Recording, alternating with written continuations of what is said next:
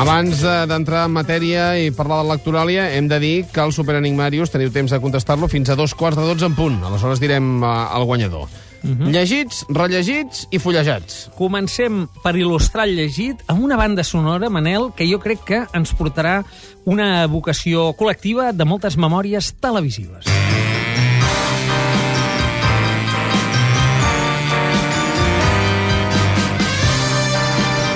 I ara venia aquella veu que deia Perry Mason.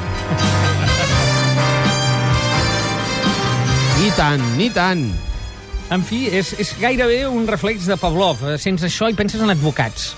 Mm, tot i que aquests últims temps, diguem, eh, tenen un protagonisme, jo diria que excessiu. M'imagino ja a, a, a l'informatiu, quan abordem la informació del Pretoria, posant aquesta Amb, música. amb això de eh? fons, directament, no? Molt bé, això ho faig per recomanar una novel·la, eh, diguem, d'advocats. Una novel·la de literatura del que en podríem dir jurídico, de, de, de tribunal, no? I ho faig amb molt d'entusiasme, li he posat quatre L's a l'actoràlia, però m'ha enganxat moltíssim. El veredicte de llautó de Michael Connelly. Això és una traducció de l'anglès al català de Joan Puntí, uh -huh. eh, que ho edita Club Editor, l'editorial de la, que té en el seu fons la Rodoreda, el Vilallonga, etc. En castellà trobareu el veredicto, no en diuen... No és la primera ja. cosa que fa aquest Connolly, eh? Uh, no, uh, era, és la primera vegada que se'l tradueix al català. Diguem, tenim ja un seguit de novel·les uh, publicades al segell Roca, en sí. castellà, i és molt, molt, molt apreciat pels amants de la novel·la negra. Aquest senyor ha creat un parell de personatges, un dels quals un, peri- un policia que es diu Harry Bosch, que és, inobil, és inoblidable. Ara bé, aquí, eh, en el veredicte de Llautó, que jo diria que és la millor de les que jo li he llegit almenys, eh, diguem, pivota més sobre un altre personatge que és un advocat, Mickey Haller, que eh, comença amb gran intensitat i trobo que és una arrencada brutal.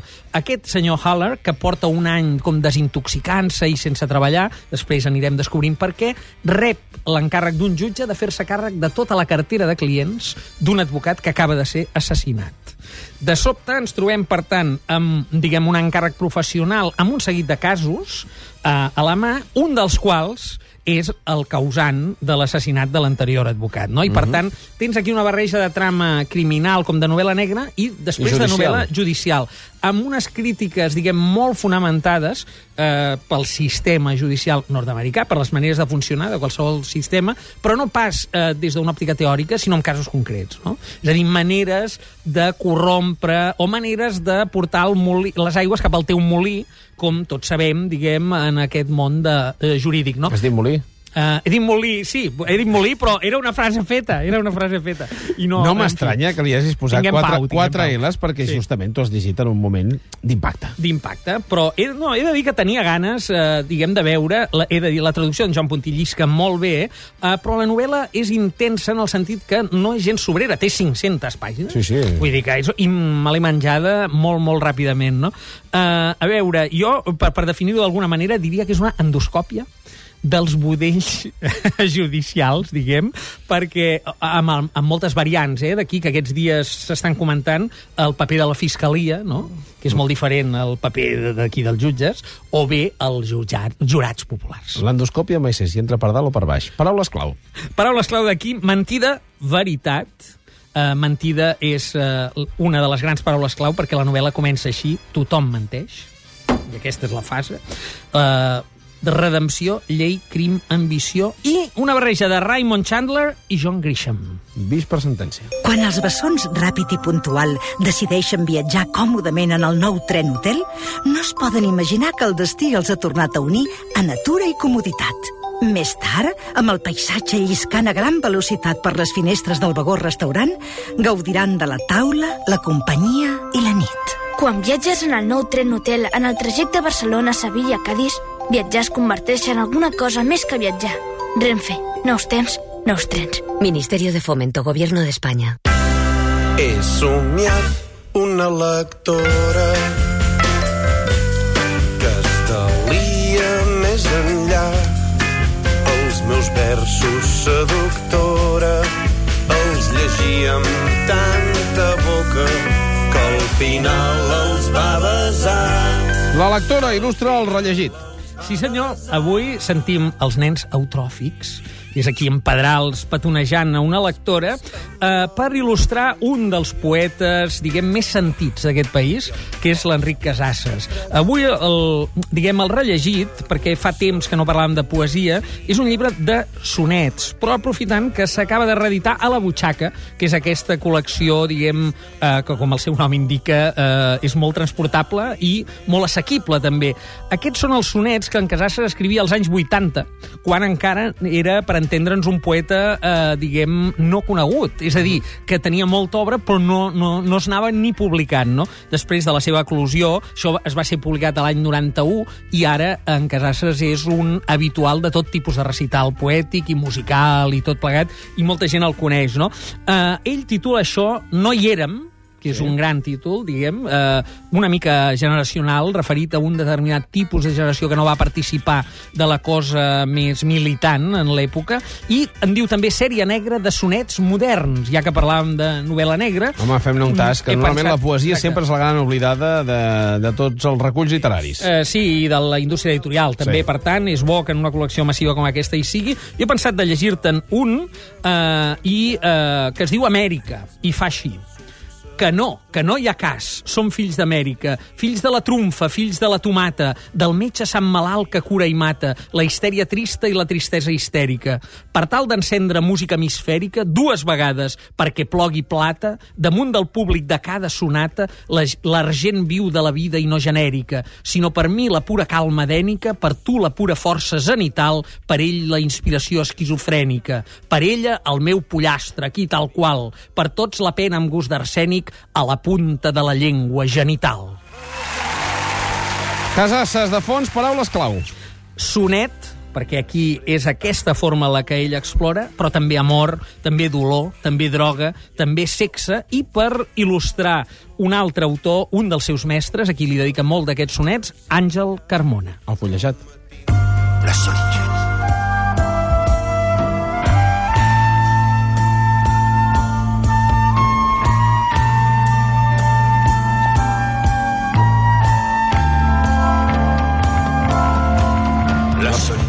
La solitud. Deu fer res. Sí, he, he, triat aquest, que és, és, és una mica trist, diguem, com a fons, però em sembla bastant eh, interessant per il·lustrar el fullejat d'avui, que és un llibre del qual s'ha parlat des del programa, jo et vaig sentir entrevistar-lo. Va, vam, vam fer un anunci de que sortiria el llibre i després va venir el Exactament. Castellet a, a presentar-lo. Josep Maria Castellet, Esplèndid. seductors, il·lustrats i visionaris, eh, llibre de retrats. Eh, si trio la solitud és perquè, clar, en Castellet fa molts anys que eh, viu, a més d'una manera molt joiosa, perquè tal com és ell, diguem, no traspua amargor, però viu clarament en la solitud un home com ell, que va ser, diguem, que es va explicar a través dels altres, de qui l'envoltaven, de tota una generació que han anat desapareixent, però ja fa molts anys, i ell és com un supervivent que mm, ha començat a partir d'un cert temps, concretament des d'un llibre que es diu Els escenaris de la memòria, va començar, diguem, a rememorar temps, a fer de notari d'una Sí. època, no?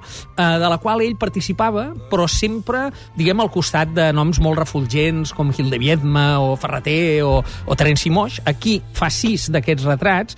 Eh, jo no me'ls he llegit tots, eh, per això te'l porto com a fullejat, però sí que em vaig mirar el del Terenci. Doncs aquest te'l recomano jo, eh? eh és, sí, sí, és, eh, no, tot el llibre és molt Sí. recomanable. Diguem que els personatges són eh, dos bèsties polítiques com Manuel Sagristán o Alfons Comín, tan desaparegut, i gent del món de la cultura com el poeta Gabriel Ferreter, com en Joan Fuster, impressionant, diguem, eh, com Carlos Barral, i Terenci Moix, una mica que és el, el menut d'aquí, no?, de Sí. tots. Clar, jo li havia sentit explicar tantes vegades el viatge a Egipte, amb en Terenci i més gent, que aquí en surten fotos i tot plegat. Plegat, tenia no? gran interès a, a fer notar que ell ja hi havia estat abans, eh? Exacte, eh? de dir, oh, tal, i això... I, i bé, i en Castellet també, dur, eh, els que hem tingut la sort de tractar-lo, perquè ha estat editor meu i tot plegat, el sents i és un gran narrador oral. Sí. De manera que era una qüestió de temps que això passés, diguem, a, en, el, en el paper. Aquest ja és eh, el tercer dels eh, llibres, diguem així, memorialístics, I continua, eh? i sembla que n'anuncia més, no? Sí, sí, aquí eh, diguéssim que ens va avançar que, que vol fer una, una la història... Montserrat Roig, potser A la Montserrat o- Roig i quan ell era petit. És a dir, I a la seva alguna, infància, algunes vivències que, que el van marcar, que, que el retraten perfectament perquè Mhm. és com és. Doncs eh, no, realment és recomanable sempre aquest punt de vista de- d'aquell que és com si no hi fos. eh? Diguem, però hi és sempre. Mhm. Sí, eh? per sort. Per, per fortuna, clar. I a més, eh, diguem, em fa... Eh, en deixa després una petjada molt, molt i molt interessant. Per tant, seductors, il·lustrats i visionaris, Josep Maria Castellet eh, ho edita, com no podia ser altrament, edició 62. Si posem paraules claus, segurament hauríem de dir el nom dels retratats. Certament, aquí és Sacristan, Barral, Ferreter, Fuster, Comín i Moix. I Castellet. I Castellet, que és el retratador, que queda retratadíssim, també. Màrius, fins la setmana entrant. A reveure. I fins demà amb l'Enigmàrius Urbal. Sí, senyor, que demà serà difícil, eh? Ja Sí? avanço que els divendres intento, saps, allò... Ai, que marxem collar, ja el cap de mica. setmana amb aquella cosa. Sí, senyor. A mi no m'ha sortit. Diguem, dijous i divendres són els forts de la setmana. Apa, fins aleshores. A reveure.